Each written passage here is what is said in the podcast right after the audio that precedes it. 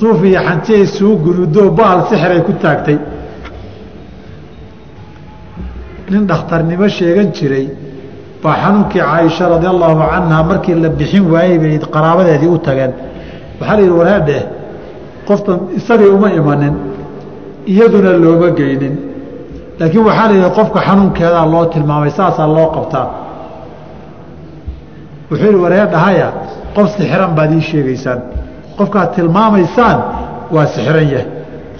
Qof dumar ah baa sixiray qofkii dumarka ahaa saacaddan hadda aan joogno ilmo caruuray dhabta ku haysaayoo ku kaajay. Ilmo caruuray dhabta ku haysaayoo ku kaajay. Qoladii waa soo noqdeenoo caaisha loo yimid waxaa la yidhi ninkii aanu u tagnay wuxuu yidhi kow horta waa lagu sixray. Laba qof dumaraa ku sixray qofkii dumarkee ku sixray ilmahay saddex gacanta dhabta ku haysaa ilmuhuna waa ku kaajay. Markaase waxay tihi war waxaan u maleen waa heble bal heble raadiya heblow meel fadhido ilmo dhabta ku hayso oo ku kaajaa loo yimid. Ay tihi xor baa tahay. Waa igu saasaa dhacday baa la yidhi. Waa aragnay hebla ilmaha dhabta ku haysaa waana ku kaajay baa layidhi igu yeeray tii waa loo yeeray. Naya dhinkaana ku dhacday miyaadii sixirtay bay tihi markaas waxay tihi haa waa ku sixray oo maxaad ii sixirtay? Haddaan inta xor baa tahay baa tihi waktina waa gu dheeraaday bay tihi oo warwareejinin. Waxay tihi ballan waxaan kuu qaaday weliga inaadan xoroobin. Waxay tihi waadha suuqa tago. Waxaad ii soo raadisaan dadka ii soo waraysataan. Ninka carab addoonka uu yeesho ugu dhaqan iyo macaamilo xun ii soo raadiya aswau lcarabi malakatan. Waxa uu yeesha ninka ugu dhaqan xun sida ugu xun ula dhaqma ii soo raadiya waa loo soo helay. Ninkii bay lacag rakiisa kaa gatay. Lacagtii bay addoon gala kale ku gaday oo xoraysay waxay tihi anna abaal baan u geli oo xor baa taba inaan idhahdo iyadana way quraaqulya raacin oo ilmayti raacin soo maha waxay yidhaahdeen addoontii way gaday. In la gadi karoo lagu tasarufi kara sooma aragti. Xabsana sidoo kalean haynaa bay yidhahdeen laakiin qiso ka duwana. Xabsana addoonay lahayd bay waxay ku tiri xor baa tahay haddaan dhinto. Iyadana markaasay sixir ku taagtay. Durbe inay ka raacaysay rabtaa naftu ilaahay dilun baa dhiman sooma ajasheedii saaxir baan u tegey iyo kitaab gaabulo baan u tegey iyo say waga dhawe jilaani baa gaari taayirkii iska lalmiyey nafta ajasha ilaahay tuu diloon baa dhiman markaasaa waxaa la yidhi way xanuunsatay. Iyadiina waxay tuhuntay gabadhii waa loo yeeray nama sixirtay haa. Waxay tihi xaddu saaxiri darbatun bisayfi sow maaha amar bay ku bixiso oo qoortaa la jaray. Intayna caaishaba inta iyadiiba bay ku tasarurtay xataa dila tiri sow maaha waa ijmaac way dheheen. Saxaabadii cid labadaa khilaaftayna maba lahayaba marka waxoogay meel yar guulay istaageeno fuqahadii kale hadday cibaaradu asaxdo si aaday uga xoog bateen saa darteed wayajuusu lahu waxaa u bannaan an yabiicahu inuu gado fii xaali xayaatihi xilliga uu noolaa wayabطulu waa burayaa tadbiiruhu dibdhigii la dibdhigayna waa burayaa sida caaisha ka sugan radi allahu canhu ardaaha qisada xabsan laakiin mid kale aad ka faa'idaysatay saaxirka waa in la dilo saaxirku saa darteed imaamu axmed waa kiu lahaa saxa can alaaثati min aلصaxaaba saddex saxaabada ay ka sugantoon cid khilaaftay jirin saaxir marshii lagu arko in la dilo. Hadduu sheekh yahayna? Saaxirku hadduu sheekh yahay see la yeeli. Saaxirku sheekh ma noqon karaa haa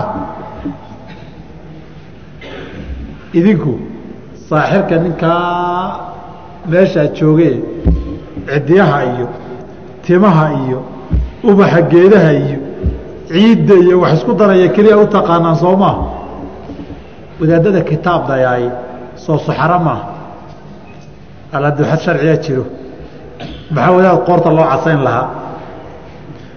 Saxaradu hadduu dayrabi iyo macsharufalag iyo awfaaq iyo shamsulmacaarif iyo kitaabta hadduu wato iyo saacatulkhabar iyo talaasim iyo hadduu wax kutubtaa wato saaxir waayo horena waxaad yidhi waxaad ku garan kartaan markaad u timaaddo laba meelood mid ka mid hadduu su'aasha kaaga bilaabo. Inkaanu ku dhacdayga saaxir weeye haba duug weynaada isaga carar hadduu magacaaga iyo magaca hooyadaa ku weydiiyo su'aal damba ha u noqonin waa saaxir. Hadduuba magacaa ku yihaahdo markuu xanuunkaaga inuu ogaado rabo horta magacaaga muxuu ahaa hadduu ku yidhaahdo waraaq iyo qalin qaata ama wax xisaab inuu galo. Ninkaa saaxir weeye isaga carar markaa qaarkood hooyadaa inuu ka wareegaa laga yaaba hooyo isagu alifto ama umuljamiici xawaa u aado. Waana qadiyadaasna si kaley inoo soo martay dhammaanteen sixirku xataa dugsiyadeenna qur'aanku galay. Dugsiyadii qur'aanka ee soomaalida weli ma maqal. Dugsi qur'aan soomaaliyeed oosan sixirka wadaadadu si lugta ula gelin waxaa laga yaaba inaad la yaabta waa idin fasiri. Alifka markaad sii dhammaynaysaan abjad hawas ba akhrisan jirteen. Abjad hawas maxay tahay marka? Waa erayada kitaabkayga sixir ka bilowda wey abjad aliftu kow bay u dhigantaa bacdu labay u dhigantaa jiinku saddex buu udhigmaa daalku afar buu udhigmaa sii wad ya-du toban markaad gaadho. Labaatan soddon dheh. Boqol xarafka kaxiga markaad gaarto. Laba boqol ilaa kaynka oo kun a dheh. Xarfihii magacaagaa tiradan laysku dabaqayaa baasha waa loo gogol xaarayaayo abjad hawas baa hoosta lagaa geliyey hataa halkaa kaaga bilaaba su'aasha. Xoolihii kaa maqnaa ama xanuunka kugu dhacay maalinteebuu kugu dhacay hadduu kaaga bilaabana ma axad bay ahayd ma isniin bay ahaydna. Isagana inkaanu ku dhacdayga waa saaxiro. Saacatulkhabar buu haystaa. Kitaabka marjicii sidaas u noqonayo waa faniga iyo ariiqada uu qoran yahay saacatulkhabar toddobada maalmood oo afar iyo labaatan baab ah oo baab walba saddex fasal iyo afar labaatankii saac wey todo afar labaatanka baab kitaabu laxadi albaab اlأwal ilaa asaacaة اlأuulaa ilaa baabka afar iyo labaatanaad baabkiina wuxuu uqaybsamay saddex qaybood saddex fasl alfasl اأwal awalu saacati alfasl الثaanي awsatu saacati alfasl الثaalث aakhiru saacati adiga moogtahay toddobada maalmood mid kamid unba wax kugu dhacay saacadaheeda mid kamidana wax waa kugu dhacay saacadda qaybtii hore iyo qaybtii dhexe iyo qaybtii hore mid ka mid wax kugu dhacay sooma maalintii buu rabaa inuu ogaado waktiyadiina ku weydiiyey. Sheekada hadduu bilaabo arwaanku gartay niyo saacatulkhabar aad haysataa. Kuwa kale hadduu kuu bilaabana mujarabaatu dayrabi iyo awfaaq iyo shamsulmacaarif iyo talaasimtii lamidka ahayd buu haystaa. Marka wadaadkaa saaxir waaye kutubtan hore waxaa kaga qoran ina min albayaani la sixran soo fiqiga mayna arag man yuriid illaahu bihi khayr yufaqihu fi diin. Kutuba quraan iyo culumtiisana khayrukum man tacalama alqur'aana wacallamahu baad ku arkay axaadiitana waxaad ku arkay nadara allahu mra'an samica maqaalatii laakiin kuwan markaa u timaado ina min albayaani la sixran baad ku arkay marka kutubtaas haddaad rabtay xogteeda anigii weydii fasal bihi khabiiran wax badan baan ka aqaana xataa xirtiyasa iga qoraan waan aqaana laakiin idiin sheegi maayo inaa halkaa ka tacliintaan dooni maayo. Marka wadaad saaxira haddaad aragtaan oo kitaabda iyo xugum sharci ay jirto xadda ha laga oofiyo oo qoorta ha la caseeyo. Wax badan baad ku layseen. Kan waa gaaluu galay iyo jaajuus buu noqday murtad buu noqday iyo oo suxarada ummadda ka dhameeya nima suxarada ummadda laga laayo. Labadaa qaybood qaybtay dooni ha noqdaan marka ninkii saaxirkee la dili lahaa innaga laakiin waa weli la barakaysto oo saf loogu jiro gaal weli noqdayna inaga innagaa laynagu arkay wa xukmu lmudabberi kan la dib dhigay xukunkiisu fii xaali xayaati sayidi inta sayidkiisii lahaa nool yahay xukmu lcabdi addoonkiibuu la xugun yahay alqini asaafi ee khaaliska ahaa addoonkii khaaliska iyo saafida ahaa buu la xukum yahay faslun kitaabadaan ku daraynaa sidii habeen dambe waktigu wax inoogu soo haro badan baabkanna waa baab labaad baab kale oo isagana baabulcidqi albaab kaloo loo furay wey addoonku waa inuu u tagoo ninkii yidhaahda hadduu nin shaqaysan karoo xooga xoogsan kara yahay niyo waan xoogsan xoolo igula heshii addoonku soo lama dhihin xoolo iyo qiimu u dhigmaa qiimahan u dhigmiilo gorgortan xoolahagaan kuu keeni anna xor baa noqonaya fasax sidaa hadduu yidhaahdo waa in laga aqbalaa. Waalkitaabatu in wax lagu qoro mustaxabbatun waa la sunneeyey.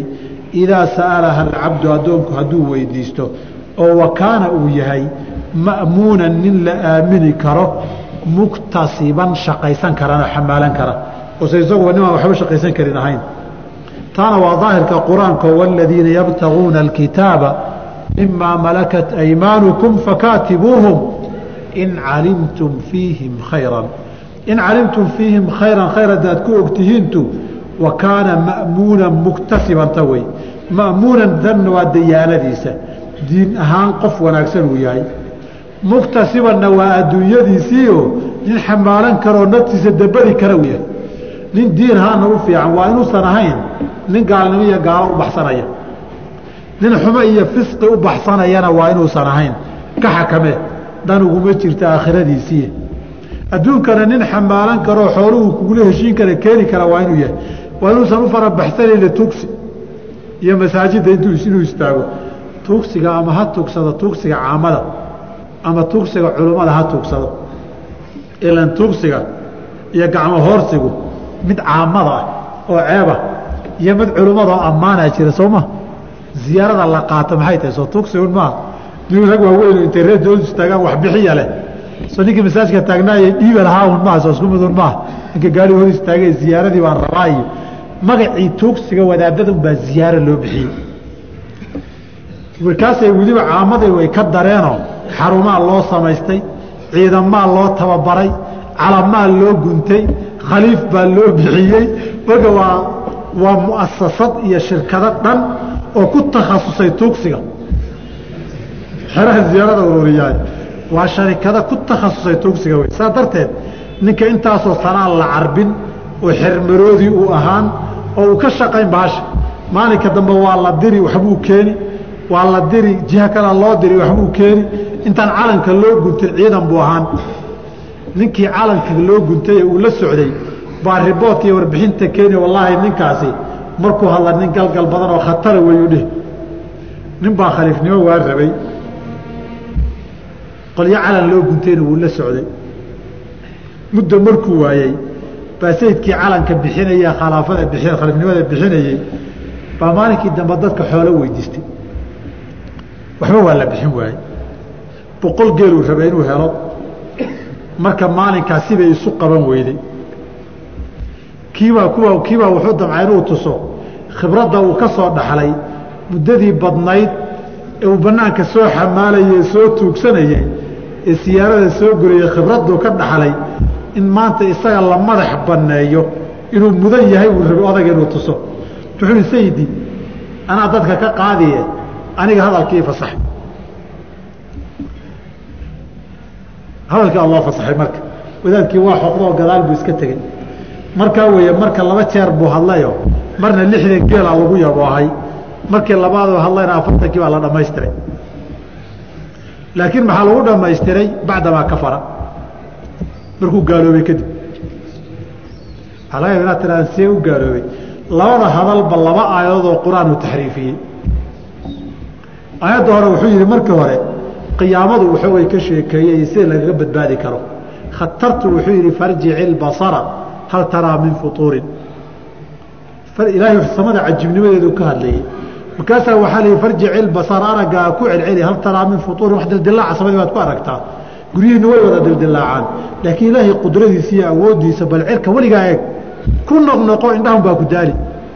Isagu wuxuu yidhi farjici ilbasara isha afartan iska geli hal taraasaa la isaga tegi maaye min futuurin fujuq waan iska soo siibu ninkii bixiyuun baana ka badbaadi. Hada dadkii naar bay ka cabsadeenee jannay lixdan geela ku gateen. Lixdan bay noqotay miya. Sayidii mar kale aan hadla buu yidhi kaasii hadal? Aayad kalu haddana ku tunto mar labaad buu gaaloobay. Dadkii laakiin waa caamoo ninka inuu gaaloobay ma garanayaan. Waa fankixuu tukada iska yahiye dhaasa mogta caamadu marka qaarkood waxay yidhahdeen wadaadada caamo dhiga nugeelkan ku jeclaaday. Sooda waxuu u sheegta oo iska qaadan. Laakiin waa kalsoonidii diin ahaan ay ugu qabeen dadka. Baa si qalada looga faa'idaystay wuxuu yidhi aayad suurat alambiyaa uu soo qaatay. Xataa idaa futixat ya'juuju wama'juuju wahum min kulli xadabin yansiruun. Aayadda macnaheedu waxaa weeye yaajuuj waajuuj marka la daayo. Meel kasta oo sare intay soo dulmaraan bay ka soo degiyo.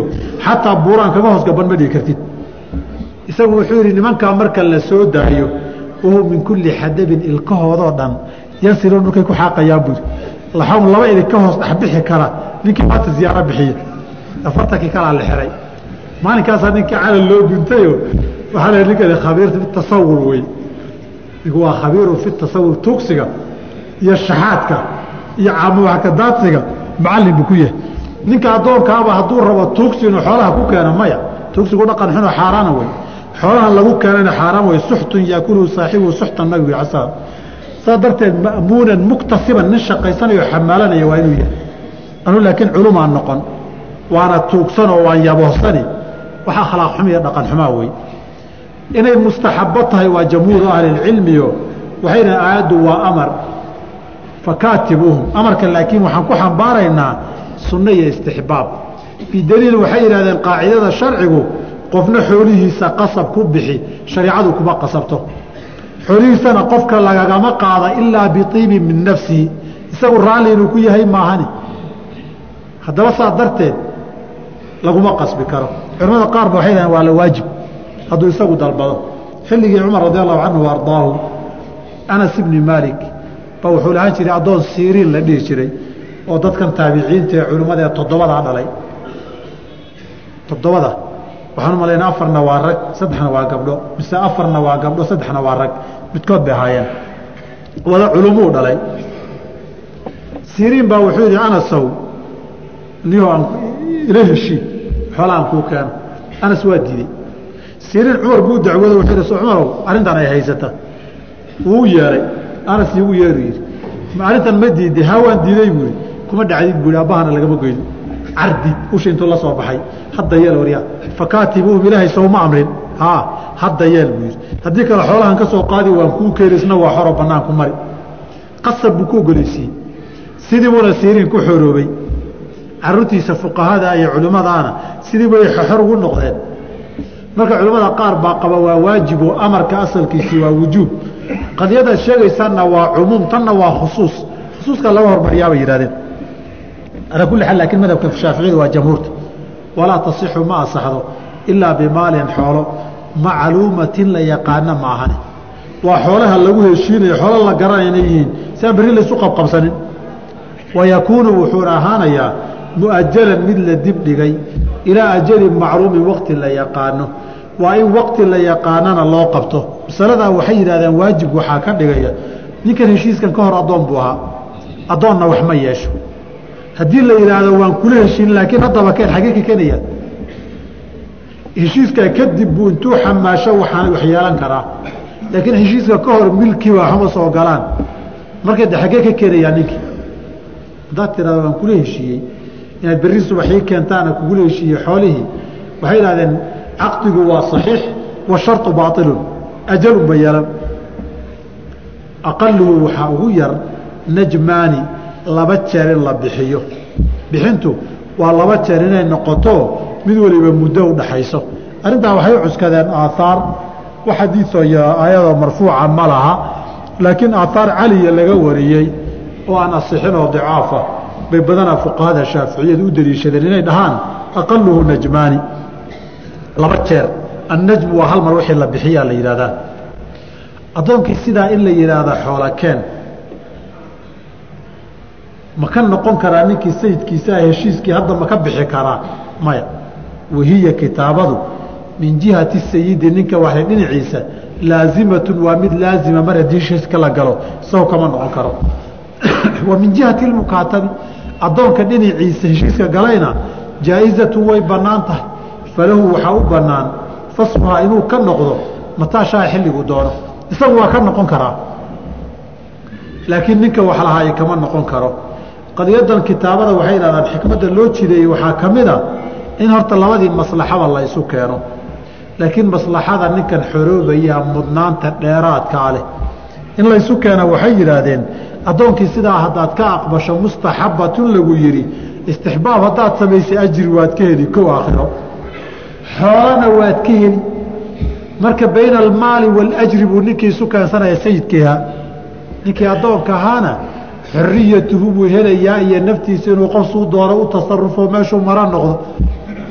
Teebaa sii weyn tan addoonku helayaa sii weyn. Saa darteed buu dalabku isaga ka yimid. Ninkii kalena amar lagu siiyey. Haddii heshiiskii la galo isagay danta u ku jirtay ugu jirtay dalabkuna ka yimide waa ka noqon karaa. Laakiin ninkii laga dalbaday ee ogolaaday ninkiina sidii uu ku howlgalay maruu dhexda maraya waan ka noqday ma dhihi karo. Walilmukaatabi mukaatabku atasarufu inuu ku tasarufuu leeyahay oo ku takrifalo fii maa fii yadihi waxa gacantiisa ku jiro min almaali ah. Wixii xoolee gacantiisa ku jira addoon la leeyahay ma ahane wuu bixin karaa wuu iibin karaa meel buu dhigan karaa xoolihiisa uu ku tasarufaya oo gaar xor ugu yahay bay noqonayaan. Wayajibu waxaa waajib kuwa cala sayidi ninkii addoonkaa mukaatabka a lahaa an yadaca canhu inuu ka dejiyo ka cafiyo min maali kitaabati xoolihii uu kitaabada kula heshiiyey maa yastaciinu bihi wuxuu kulu kaalmayso calaa adaa'i nujuumi kitaabati kitaabada nujuumteedii iyo qaybahee bixinteedii si u bixinaye gudashadeedii uu kaalmaysto. Manaa xoolaha aad kula heshiisay qayb ka mida waa inaad cafidaa qayb xoolo iyo maal noqon karta. Qolaa waxay yidhahdeen ulus waa inay gaartaa oo ulus baa wixii lagu qiimeeyaa saddex meelood meel qiimahaad ku heshiiseen inaad ka cafida wey. Oo xaggee laga keenay arrintaas. Aayaddii amarkan bixisay baatanna bixisay fakaatibuuhum in calimtum fiihim khayran. Maxaa ku xiga wa aatuuhum min maali illaahi aladii aataakum. Xoolaha ilaahay idinka siiyeyna wax ka siiya. Wax uga celisa wey. Soomaalidu taasi kale dhaqan ugu leedahay addoommo ma naqaano laakiin xoolaha ninkii wax guursaday uu keeno baa wax looga celiyaa soo maa ninkan xoolahan hadduu keenay oo intaas soo xamaalay isagoo faramaran hadirina xoolihii qayb waa in loo cafiyo ama markuu keeno wax looga celiyaa. Taana waa amar waajibaho daahirka amarkii wa aatuuhum min maali illaahi aladii aataakum baa daahirkeeda laga faa'iidaystay. Masalada ugu dambaysaay walaa yactiqu ma xoroobo ilaa biadaa'i jamiici ilmaali.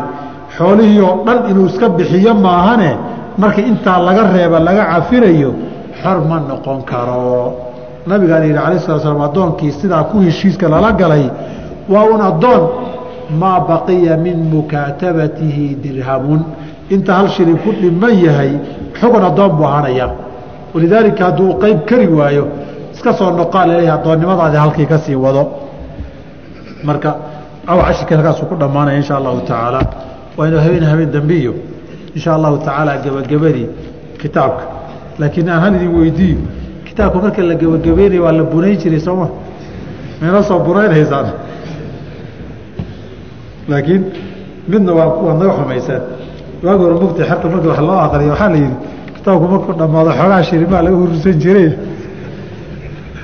hadda waagii dambe iska dhaqaaqaan idin bare waa iska dhaqaaqi doontaan insha allah subxaanaka allah bixamdi ashhadu an laa ilaha illa anta astaqfiruka waatuubu ilayk الرحيم الحمد لله رب العالمين وصلى الله وسلم على رسوله الأمين وعلى آله وأصحابه أجمعين ومن تبعهم بإحسان إلى يوم الدين أما بعد waxaan soo gaarnay fasalkii axkaamu ummi lwalad ama alistiilaad ama aliilaad midaad tiradaa buu kaga hadlayey oo ah matnigii yaraaye ee shaafiqiga shaaficiga lilqaadi abu shujaac ama la dhihi jiray matnu lgaayati waataqriib ugu dambeeyey. Marka mualifku wuxuu uhi faslun waidaa asaaba asayidu amatahu fawadacat maa tabayana fiihi shayun min khalqi aadamiyin xaruma calayhi baycuhaa warahnuhaa wa hibatuhaa ilaa akhirka baabka. Masaa-ilka baabka wuxuu kaga hadlayaa mualifku raximah llahu tacaala masale aynu qaybi ka mida soo marnay aahaarta iyo raadka ay yeelanaysa ee ka dhalanaya. Waxaynu ku soo marnay abaabu nikaax markaan soo maraynay raggiyo dumarka in xiriir rag iyo dumar iyo xaas iyo ninkiisa nin iyo xaaskiisa dhex martaay ay ku bannaan tahay laba wej oo keliya. Imaa binikaaxi inay ku bannaanaato wa imaa bimilki ilyamiini inay ku bannaanaato labadaa keliya inay yihiin. Oo xiriirka asal ahaan rag iyo dumar dhex maraayey alaslu fiihi alxurmatu inuu yahay. Halkaa waxaa ka muuqatay ninku xaaskiisa si sharciga uu ku guursadayna waa uu xalaal. Haddii addoon uu lahay oo milkigiisa ku jirtay nin kalena uusan u guurinin oosan qabin uu reeraystana waa uu xalaal. Ilaahayna uu horay u soo yidhi waaladiina hum lifuruujihim xaafiduun ilaa calaa aswaajihim aw maa malakat aymaanuhum labadaa xiriirka dhex maraayay fa innahum hayru maluumiin. Kuwa aan lagu eedaynaynin oon lagula dagaalamaynin wey waxaa labaadaynu soo marnay. Ninka inuu guursan karo haween addoona haddii shuruudii la helo oo asaaskeedu ay laba ahayd ninka laga doonayo. Marka koowaad inuu sino ka baqo marka labaadina inuu qof xora wuxuu ku guursada waayo shardina haweenta laga rabo oo ah inay tahay qof muslima inay tahayoo aanay gaal ahayn oo labadaba qur-aanku sheegay waman lam yastaطic minkum طawla an yankixa almuxsanaati اlmu'minaati famimaa malakat aymaanukum min fatayaatikum اlmu'minaat waa guursan kartaan gabdhaha addoommada laakiin waa hadday mu'minaad yihiin. Aakhirkaa waxaa laga yidhi marka hore aynuusan qof xora wuxuu ku guursada haynin shardigaa la sheegay. Gadaalna aayaadku shardiga labaad bay ka sheegeenoo daalika liman khashya alcanata minkum. Haddii haddaba ninkii addoon nin kale leeyahay uu guursado waxaynu soo marnay axkaamta ka dhalan waxaa ka mida ilmuhu inuu hooyadii tabacu yahay baan iyadana soo marnay. Masaa'ilkii masaa'il la xiriira baa fasalkan gabagabada oo abwaabulcidqi ka mid ah addoommadu qaabkay ku xoroobaan buu ka hadlay mualifku raximah ullahu tacaala. Waxaana uu yidhi waidaa asaaba asayidu ninkii sayidka ahaa ee addoonta lahaay haddii uu asiibo u tago oo reeraysto amatahu addoontiisii oo fa wadacad ay dhasho maa tabayana fiihi waxay ka caddaatay shay-un wax uun oo min khalqi aadamiyin ka mid ah. Haddii ilmahay waxay dhashay ama uu ilmo aadami muuqaalkiisii dhammaystiran yahay ama xubnihiisii qeyb ka mid a muuqaal iyo sawir aadamanimo ay ka muuqataay macnaa umulwalad bay noqon. Hadday haddaba ninkii addoontan lahaa inta uu reeraysto ay wax u dhasho. Xukun bay leedahay.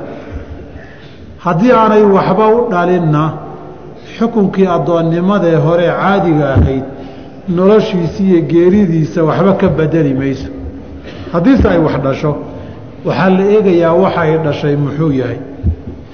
Haddii aan wax suuro aadamaniba sinaba uga muuqanin uu yahay waxa ay dhashay. Ama ilmo bururay dhiiggiibaa ka yimid.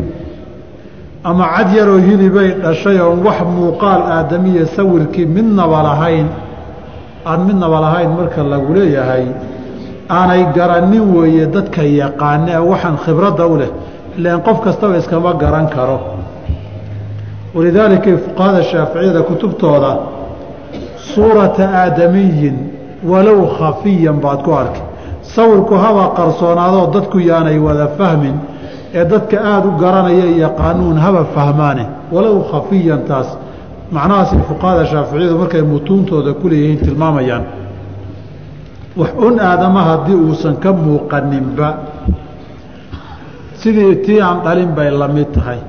Haddiise ay dhasho waxun muuqaal aadamo walow xubnaha qaarkoodba ha ka soo muuqdaanee sawirkii ka muuqdo umulwalad bay noqon. Waxaana ka dhalanaysa yidhaahdeen marka uu dhinta ninkii lahaayey inay horay ka xorowdo intaan laba aasin in dayn la bixinin in dardaaran la fulinin in kharash duugba la gaarin bay toos si deg dega u xoroobaysaa ilmaheeda ama ha noolaado ama ha dhinto. Xaruma calayhi waxaa ka xaraam ah. Baycuhaa inuu iibiyo waa ka xaraam. Wa rahnuhaa rahan iyo cudhaadh meel inuu dhigana waa ka xaraam. Wa hibatuhaa inuu bixiyo hibaysthibeeyana waa ka xaraam.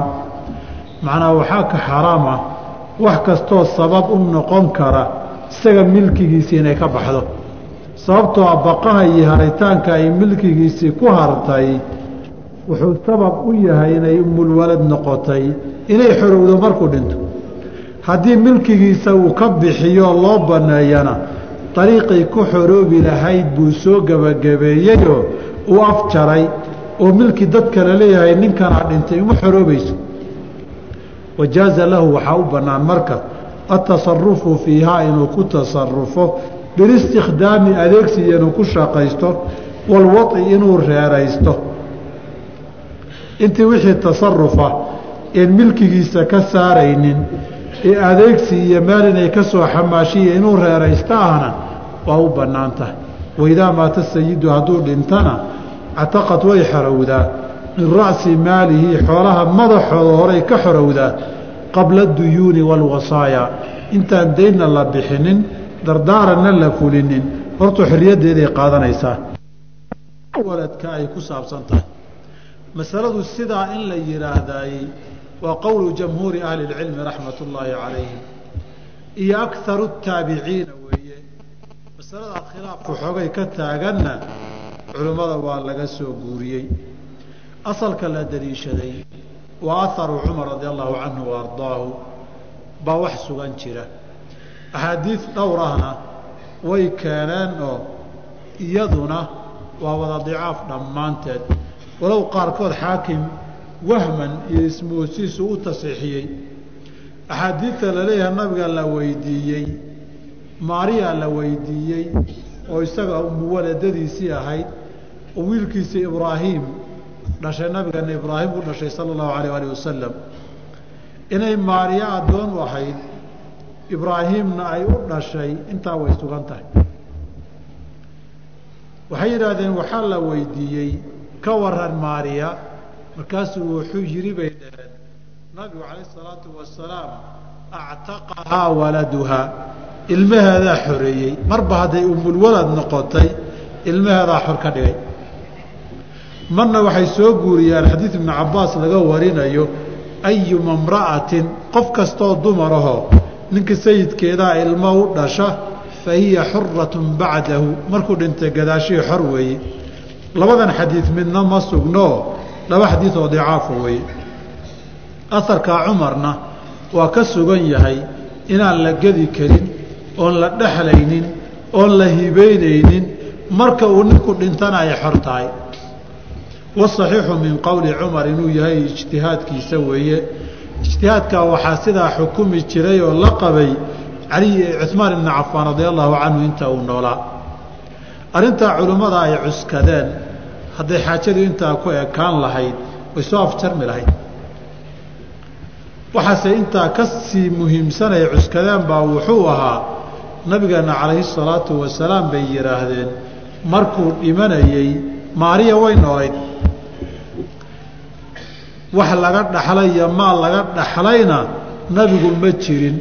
Walidaalika axaadiid riwaayaadka qaarkood caaishiya leeyihiin nabigu waa dhintay waxna lagama laa dirhaman walaa dinaaran shilin lagama dhaxlin. Haddaba hadday maariyo joogtay isaga milkigiisiina ahayd maxaa looga dhexli waayey? Waxay yidhahdeen inay xorowday baanu ku fasiraynaa. Annagu xadiidkii daciifka ahaa cuskanayno actaqahaa waladuha ahaa intaasay jamhuurtu nuxurka hadalkoodu ku soo ururay. Laakiin masaladu ijmaacna ma aha. Naskuna waa calaa khilaafi haada. In la gadi karo wey. Oo la bixin karo. Walidaalika waxaa ka sugan abu daawuud sida uu wariyey xadiis saxiixa. Inuu jaabir ibni cabdillaahi radia allahu tacaala canhu ardaahu leeyahay kunnaa nabiicu ummahaata awlaadina calaa cahdi rasuuli illaahi sala allahu calayhi wasalam wa abii bakrin falamaa jaa cumaru nahaanaa can dalik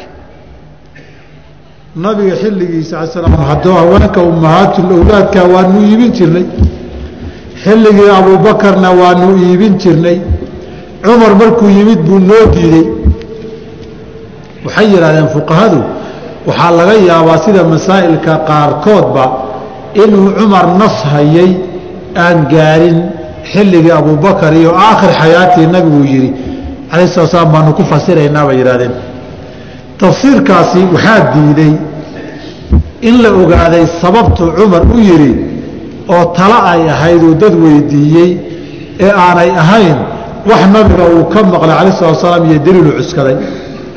Waxaana khilaafay oo arrintaa qeexay caliy bni abi aalib radi allahu canhu ardaah ibnuljawsi fi taxqiiq sanad saxiixa wuxuu ku wariyey cali radi allahu canhu khilaafada muslimiinta iyo wilaayada marka loo dhiibay. Inuu masaladan ka hadlay oo yidhi cumar uu khudbeeye meel buu istaagay. Wuxuu yidhi cumar baa ila tashaday. Oo ummahaatul owlaadka maxaan ka samaynaa? I yidhi aniga cumarba waxaa nala qumanaatay inaan gaditaankooda iyo beecooda mamnuucnoo qalad weeye dhaano cumar intuu noolaa sidii buu xukumay. Cumaanna intuu noolaa sidii buu xukumay. Anigase marka la ii dhiibay waxaa igala fiicnaatay tii hore inaan ku soo celiyo xadkii hore iyo addoommo inay yihiin. Saasaa ila qumanaatay ninka su'aasha weydiiye hadalka ku keenayna wuxuu ahaa cabidata bni camrin isalmaani oo ardadii khaaskayd ee cali ahaa markaasuu cabiidihii weydiiyaa u jawaabo wuxuu yihi caliyow warkii adiga cumar wadajirka aad u tiraahdeen ba anugu ka jeclahay warka adiga keligaa aad tihi ijtihaadka keligaa aleeha kii cumar aad isku waafaqsanaydeen baa aniga igala saxsan buu yidhi. Marka masaladu masale ijtihaad iyo ra'yi iyo tale la inay tahay buu cali sheegay. Isagoo ka dambeeyeyna waa khilaafay. Nabiga xilligiisiina calayhi salaatu wasalaam waa la geli jiray hadduu jaabir yidhi xilligii nabiga ummahaatu awlaad waan geli jirnay waa xadiid marfuuc ahoo nabiga loo tiirinayo mar haddii cahdigiisii la yidhi. Cala asaxiix walidaalika manduumaadka alfiyaadka ishtibaah baa igaga jira ma ciraaqigu amse siyuuti buu ahaa wa aqlabu danni inuu ciraaqi alfiyadiisa ahaa wa qowluhum kunaa naraa in kaana mac casri min qabiili maa rafac haddii saasaan arki jiray ama samayn jiray saxaabi yidhaahdo oo uu ku daro xilligii nabiga axaadiidta marfuuca lagu darayaa wa saxaabadu hadday yidhaahdaan kunnaa naraa saasaanu arki jiray ama samayn jiray in kaana maca casri hadduu ku dara xilligii nabiga min qabiili maa rafaca qaybaha xadiidka marfuucuu ka mid yahay. Hadduusan min cahdi nebiyi dhihinna masalo khilaafa ka taagan alraajixu cinda ahli اxadiiina inuu marfuuc isagana yahay wey haddii xadiidkii xilligii nabiga saa ku sugnaada cala salaam masaladana masale ijtihaadiyo saxaabadiiba isku khilaafeen ay noqotaay taa nabigunbaa la raacayo asaxu اaqwaali qowlka jamhuurta ee shaaficiyada iyo madaahibta afartuba ay qabaan ma aha qowlka in la gadi karaa baa nasan wa daliilan xoog badan. Wa ilmaha ay dhashayna. Min gayrihi nin kale ay u dhashayna bimansilatihaa iyada unbuu la mid yahay. Halkan waxaa laga hadlay hadday addoontii ilmo dhasho. Hadday ninkii lahaa u dhashana de waa xor oo xalay baynu soo marnay. Man malaka daa raximin maxramin huwa xurun ninku ilmihiisii ma yeelan karo ma noqon karaan. Addoommoon noqo caruurtiisu waa xor. Haddii nin kala guursaday oo daalika liman khashya alcanata minkum la yidhi ninkaa kale ilmaha ay u dhashay addoommo wey walidaaliku aayadda baaqigeeda dambe suuratu nisa ilaahay ku yidhi wa an tasbiruu khayrun lakum. Inaad iska adkaysataa kaaga khayr badan intaad berri arki lahayd ilmahaagiioo addoommaho laleeh intaad arki lahayd iska adkaysigaa kaaga khayr badanoo fa calayhi bisawmi fa lahu wijaaun iyo meelo kale inaad warwareegtaa kuu dhaanta haddiise iyadii ay xorowdo oo umuwalad ninkeedii ninbay ilmo u dhashay kale way kala furay ninkii addoonka addoontaay u ahayd bay ilmo u dhashay xilligaa ka hor ama kadib xaaladda sidaasoo kaleeta xataa caruurtii ninka kale ay u dhashay iyadunbay raaci sabab shalay markay addoommada noqonayeen iyay tabac u ahaa inay raaceen. Hooyadood. Hadda hooyadood hadday xorowdayna iyaduunbay raaci sababtoo maadaama aynu shalay addoonnimo ugu xukunnay sababtoo hooyadood bay raacaan. Maantana hooyadood hadday xor noqotay cadliga shariicada iyo insaafkeedu wuxuu keenayaa in haddana hooyadood la raaciyo. Laakiin markuu dhibka ay sababta ugu noqonaysay in la raaciyo oo ay addoommo noqdaan. Markay wanaagga u horseedaysayna laga reebo arrintaasay yidhahdeen lama ogola. Sidiisabana addoontu waxay la mid tahay ilmaheedu kal maali baa layidhi ilmaheedu iyadunbuu raaci sida xoolahaba ilmaha hooyadunbaa wadatay aabbo xoolo wata miyaad aragteen? Halkaa waxaa aada u shabaha ilmaha galbeedkee nimanka yurubta iyo caddaankaa ahooyo mooyaan aabbo ma leh. Dhif iyo naadir waxaan u malaynayaa haddii aad kun boqol qoys aragto ma ma sahlana hal qoys oo ka mid oo aabbo ilmo la socda inaad aragto. Islaanun baa wadatoo la ordaysa ninku wuu dhalaa wuu iska dhaqaaqaa sida xoolihii. Markaas waxaan dhihi jiray dasha yurub dhal digaag wey digaag hooyo wadata mooyaan aabbo hoteeliga arki maysa innaga kuwii naga tegeyna halkaa unbay ku sii socdaan. Ilaahay intuu naxariista maahane waman asaaba ninkii ku dhacee u taga amata hayrihi addoon dad kale leeyihiin binikaaxin guur buu ugu tegey falwaladu ilmaha uu minhaa iyada ka dhalay mamluukun waxaa leh lisayidihaa midkii iyada lahaabaa lehoo addoonnimada way ku raaceen. Hadday xorowdana way la xoroobayaan. Waase haddii uu guursaday weeye haddii xiriirka dhex maray waxaa lamida guurkaasi hadduu ariiq xaraam iyo zina ugu tego ilmo kaga dhalayna kaba sii daran. Laakiin waxaan labadaa midna ahayn zinana aan ahayn guur xalaalana ahayn. Haddii isaga iyo addoontii xiriir gogoleed ku dhex maro ilmahay dhashay muxuu noqon? Wa in asaabahaa haddii uu ku dhaco haweentii addoon tahayd bishubhatin shubhu ugu dhacay ismoodsiis fawaladuhu minhaa ilmaha uu ka dhalay xurun weeye. Ismoodsiiskaa duruq badan buu ku iman karaa. Inuu addoontan isaga inuu leeyahay ismoodsiiyey. Way dhici kartaa. Addoonta isaga inuu ismoodsiiyey inay tiisii tahay oo tu kale kaga qaldantay way dhici kartaa. In loo qariyeyna way dhici kartaa. Oo qof xor ah looga dhigay oo uu sidii ku guursaday kadibna ogaaday in addoon loo qariyey. Haddaba ilmihiisii xor buu noqon. Laakiin hal midoo kalaa taalla. Addoontan ilmay dhashay xoolo dad leeyahay bay ahayd. Qaacidadu waxay ahayd ilmahay dhashay xoolo nin leeyahay inay noqdaan. Cudurdaar baa lagu siiyey oo ilmihii xor baa lagaaga dhigay ninkan xooluhuu yeelan lahaana waa dandhabi wa calayhi. Ninka ilmaha dhalay qiimatuhu ilmaha qiimihiisii hadduu addoon lahaabaa laga rabaa oo lisayidi ninka addoontala uu siinayo. Markaad qiimihiisii bixiso ilmahaagiina xor kuu noqdo adigii laba mid baad noqon. Ma ismootiis adiga kaa yimid buu ahaa mise waa lagu qaldayoo waa laguu qariyey. Haddii laguu qariyey ciddii warka kuu qarisay baad qaankii u qabsanoo xoolihii dib uga qaadan ilaan xoolaha inay ku dhaafaan iyagaa sababkuugu ahaa oo godka kugu riday. Iyagii baad maxkamadda geyno xoolihii baa sharcan lagaaga dandhabi haddaad ku soo caddayso inay kuu qariyeen wain malaka alamata. Ayib taa waxaan garannay addoon aadan lahayn ilmihii aad ka dhashay waxay noqonayaan addoommo addoontii aada guursatay iyadoo nin kale leeyahay ee ilmo dhashay ee aada kala tagteen waa dambe iyadii haddaad iibsato ama hibe iyo hadiyad baa laguu siiyo.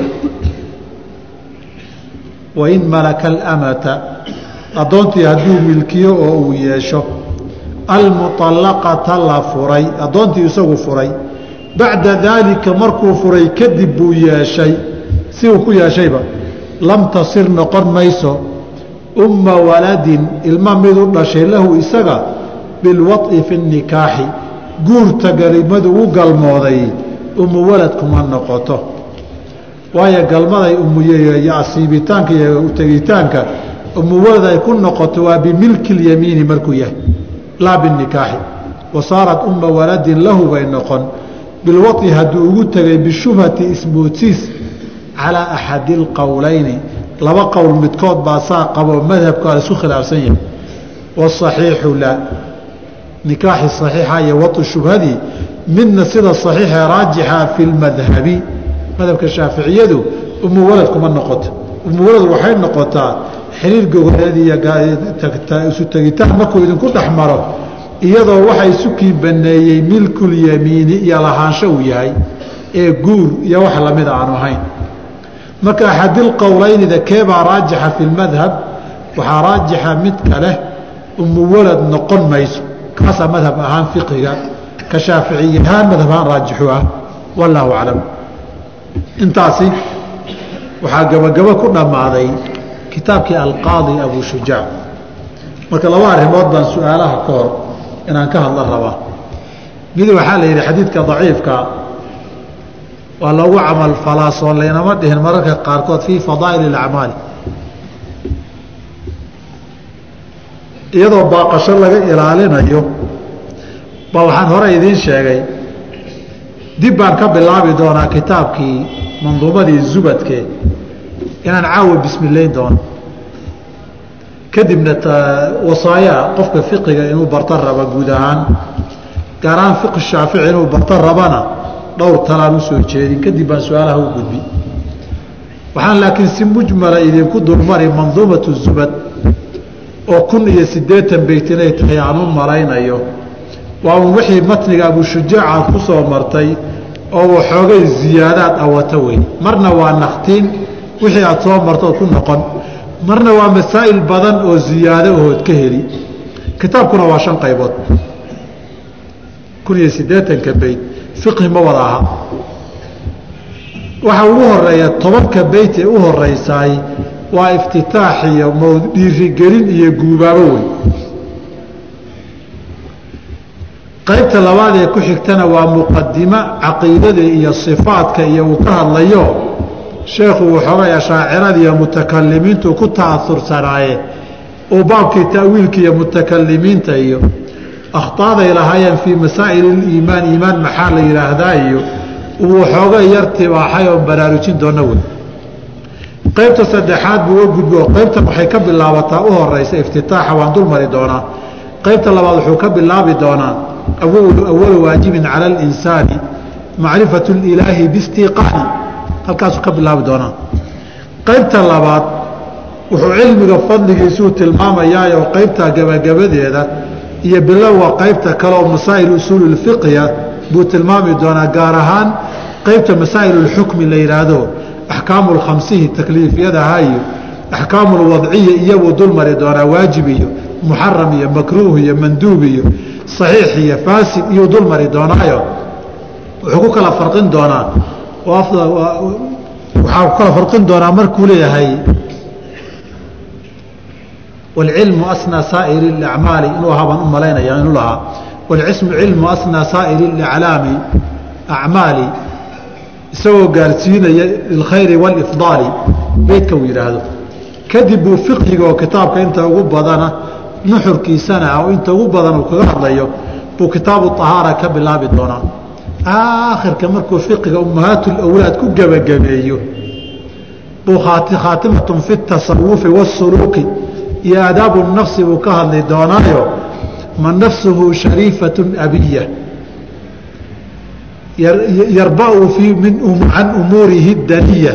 Halkaasuu ka bilaabi doonaayo isaga iyo khaatimada tasawufkee siyuuti nadmu kowkab saaic uu ku sameeyey tashaabuh badan baa ka dhaxeeya marka taana marka aynu gaarno inta badanna waa saxan tahay meelaha qaarkoodna waa tilmaami doona haddii alla yidhaahdo nabad ilaahay lagu gaarsiiye kun iyo siddeetanka bayd oo shantaa qaybooda inta ugu badanna ay tahay qaybtan fiqhiga hore iyo gadaalna inaha ka dambeeyaan oo ka horeeyaan uu ka kooban yahay.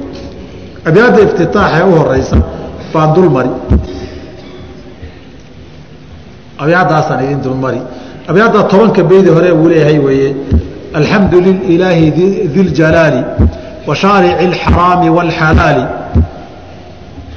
uma salaaة اllahi maca salaami calى الnabiyi اlmustafa atihaami muxamad اlhaadi min aلضalaali وأفضل الصحب وخير آل وبعد هذه زبد نظمتها أبياتها ألف بما قد زدتها waxaan saa u leh soo socodkana liis iyo diiwaan baan idinka rabaa وبعد هذه زبد نظمتها أبياتها ألف بما قد زدتها يسول حفظها على الأطفال نافعة لمبتدي الرجال تكفي مع التوفيق للمشتغل إن فهمت وأتبعت بالعمل facmal walow bilcushri kaazakaati takhruj binuuri cilmi min dulmaati facaalimun bicilmihi lam yacmalan mucadabun min qabli caabidi اlwatan wakulu man bigayri cilmin yacmalu acmaaluhu marduudat laa tuqbalu wallaha arju lmana biاlikhlaasi likay yakuuna muujiba alkhalaasi tobankaa beyd wey tobankaa beytee u horreeya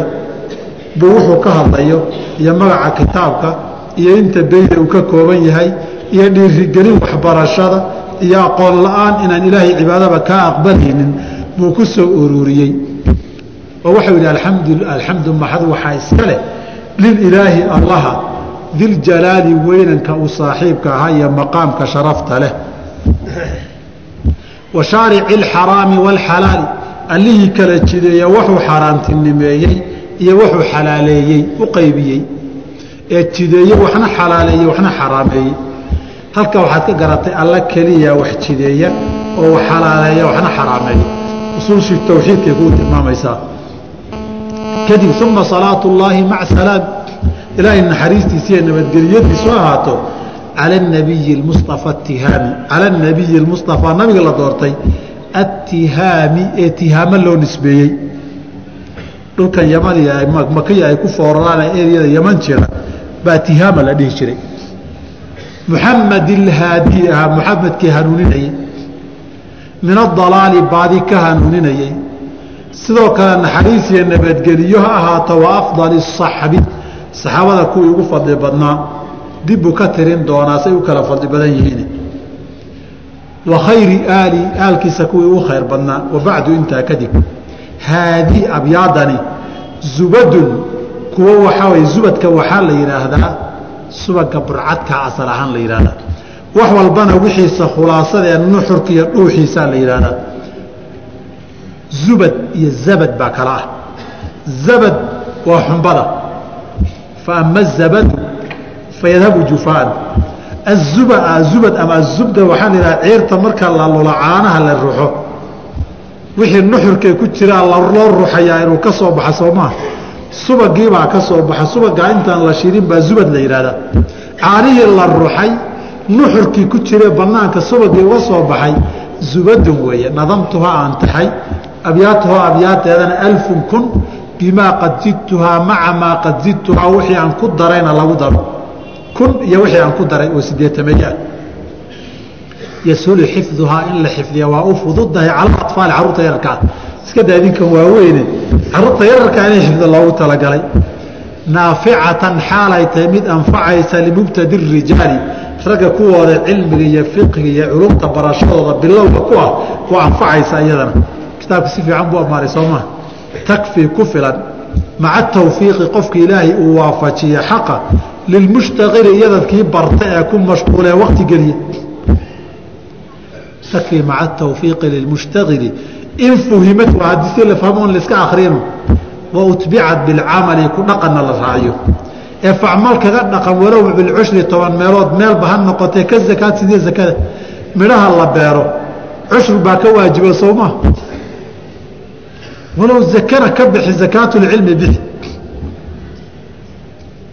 takhruj waxaad ka baxaysaa binuuri اcilmi cilmiga nuurkiisa min min ulumaatin mugdiyaad ka bixi mise can ulumaatin wey min miya min ulumaatin mugdiyaad ka bixi maxaa yeelay facaalimu nin wax yaqaana oo lam bicilmihi cilmigiisii lam yacmalan nuunu tawkiid khafiifa dheh aan ku camal farin mucadabun waa la cadaabi doonaa min qabli caabidi اlwatan inta ninka sanamka caabudee gaala aan la cadaabin naarta waxaa ugu horeyn wadaad duug weynoon diinta ku dhaqmin.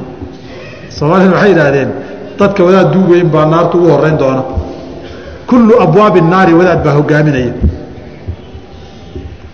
walidaalika nabigaanaana sheegayo awalu man tusacaru bihim naaru alaaatun wey facaalimun bicilmihi lam yacmalan caalimaan cilmigiisa ku dhaqmin mucadabun min qabli caabidi lwathan nuska qaarkood waxaa laga yaabaa min qabli cubaadi lwathan inay yidhahdaan waa isku macno wey wa kullu man bigayri cilmin yacmalu qof kastoo camal fala isagoon cilmiga iyo garashadii lahaynna acmaaluhu marduudatun laa tuqbalu acmaashiisa waa lagu soo radin oo lama aqbalayo ilaahay niman wuxuu samaynayay garanayni waxba kama aqbalo marka weligaa sidii habeenkii baan ama indhalaan baan hagabsani lagaa yeeli maayo wallaaha arju ilaahay keliyaan ka rajaynayaa. Laa cabdiqaadir walaa fulaan. Cid kaloon rajo ka qaba walaa jiilaani walaa aweys walaa zaylici ma jiraan. Wallaaha alla keliya un baan arju rajaynayaa.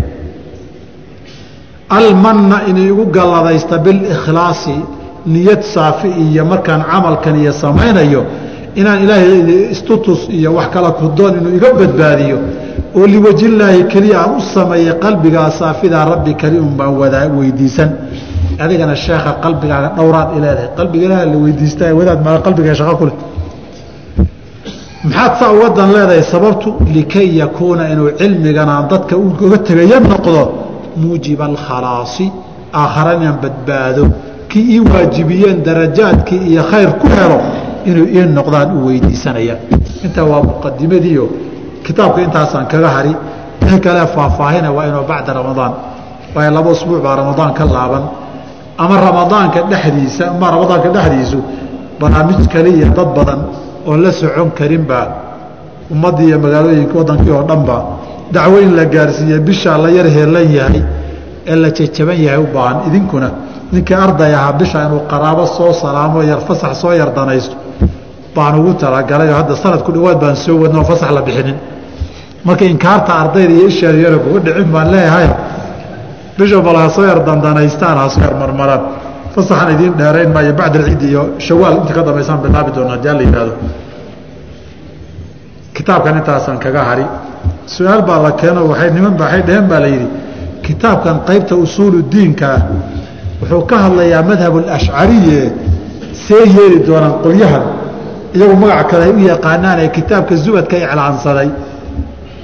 Ee ashaacirada meelan uga marmarsoodaama la asooma kitaabkuna waa fiqi waa qiimo badan yahay. Ashaacirada markii la marana meelaan kala bilaabo oo munaasabad aan kala qaada ashaacirada ama deedeeyeyba markaan baaban ashaaciriya ashcari wuxuu yahayba baa banaanka soo dhigi doonaa. Inta munaasabkaana cashirkaan ku sheegi inta kalena ballanqaadyadii baad iigu dari doontaano xilligaan ka hadli doonu baan ballan qaadi. Laakiin waxay idiin sheegi soomaalidu ashaacira way sheegataa waxay yihiinna ma yaqaanaan. Way sheegtaan laakiin waxay yihiin ma oga. Kitaabkuse maadda fiqhi markii la yidhaahdo waa kitaab aad u qiimo badan. Erayada cibaarada gabay ahaan marka la yidhaahdana yasuri xifduhu cala alatfaali sida u yiri wey waa kitaab aad u erey dabacsan wey. Markii wasankiisi iyo qaafiyadiisi iyo taqtiicaadkiisi caruudka la yidhaahdana waa kitaab aada isugu toosan. Camal bini aadam meel yar jaban. Ama bayd wax ka yar jaban yahay inaan laga waayin waa dhacdaa kitaabkaasina waa inuu sidaas iyo ha lagu talagalo.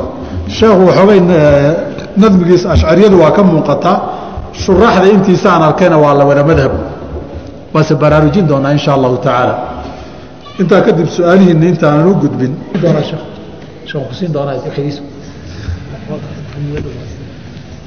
Kitaabka hadduu dhammaanaya soo soo bunayn maysaan. May waxba isku soo dardari maysaan. Cabsadina ninka aalibulcilmiga fiqiga ah guud ahaan gaar ahaan fiqiga shaaficiga inuu barto doonayaay oodisay u kala koraysaa loo kala guraa kutubta fiqiga mukhtasaraadkii hadba meesha la joogana waxay la hadlaan. Qof intaa soo maray hore bay mustawihiisa la hadlaan. Fiqiga marka la baranayo laydiin sheegaya kitaab kastoo cusub intii aynu safiinaha ku soo marnay abushujaacna waa ku soo marnay. Mar labaad baad wixii akhrisatayoo maskaxdaada dib loo baray. Intii lafteedii zubadkana waad ku mari laakiin sidii abushujaac inbuu in dheeraadoo kale kugu dari. Intii abushujaaco safiini iyo dheeraad bay ahayd. Hadda waxaad mari doontaa abushujaac iyo in lagu daray.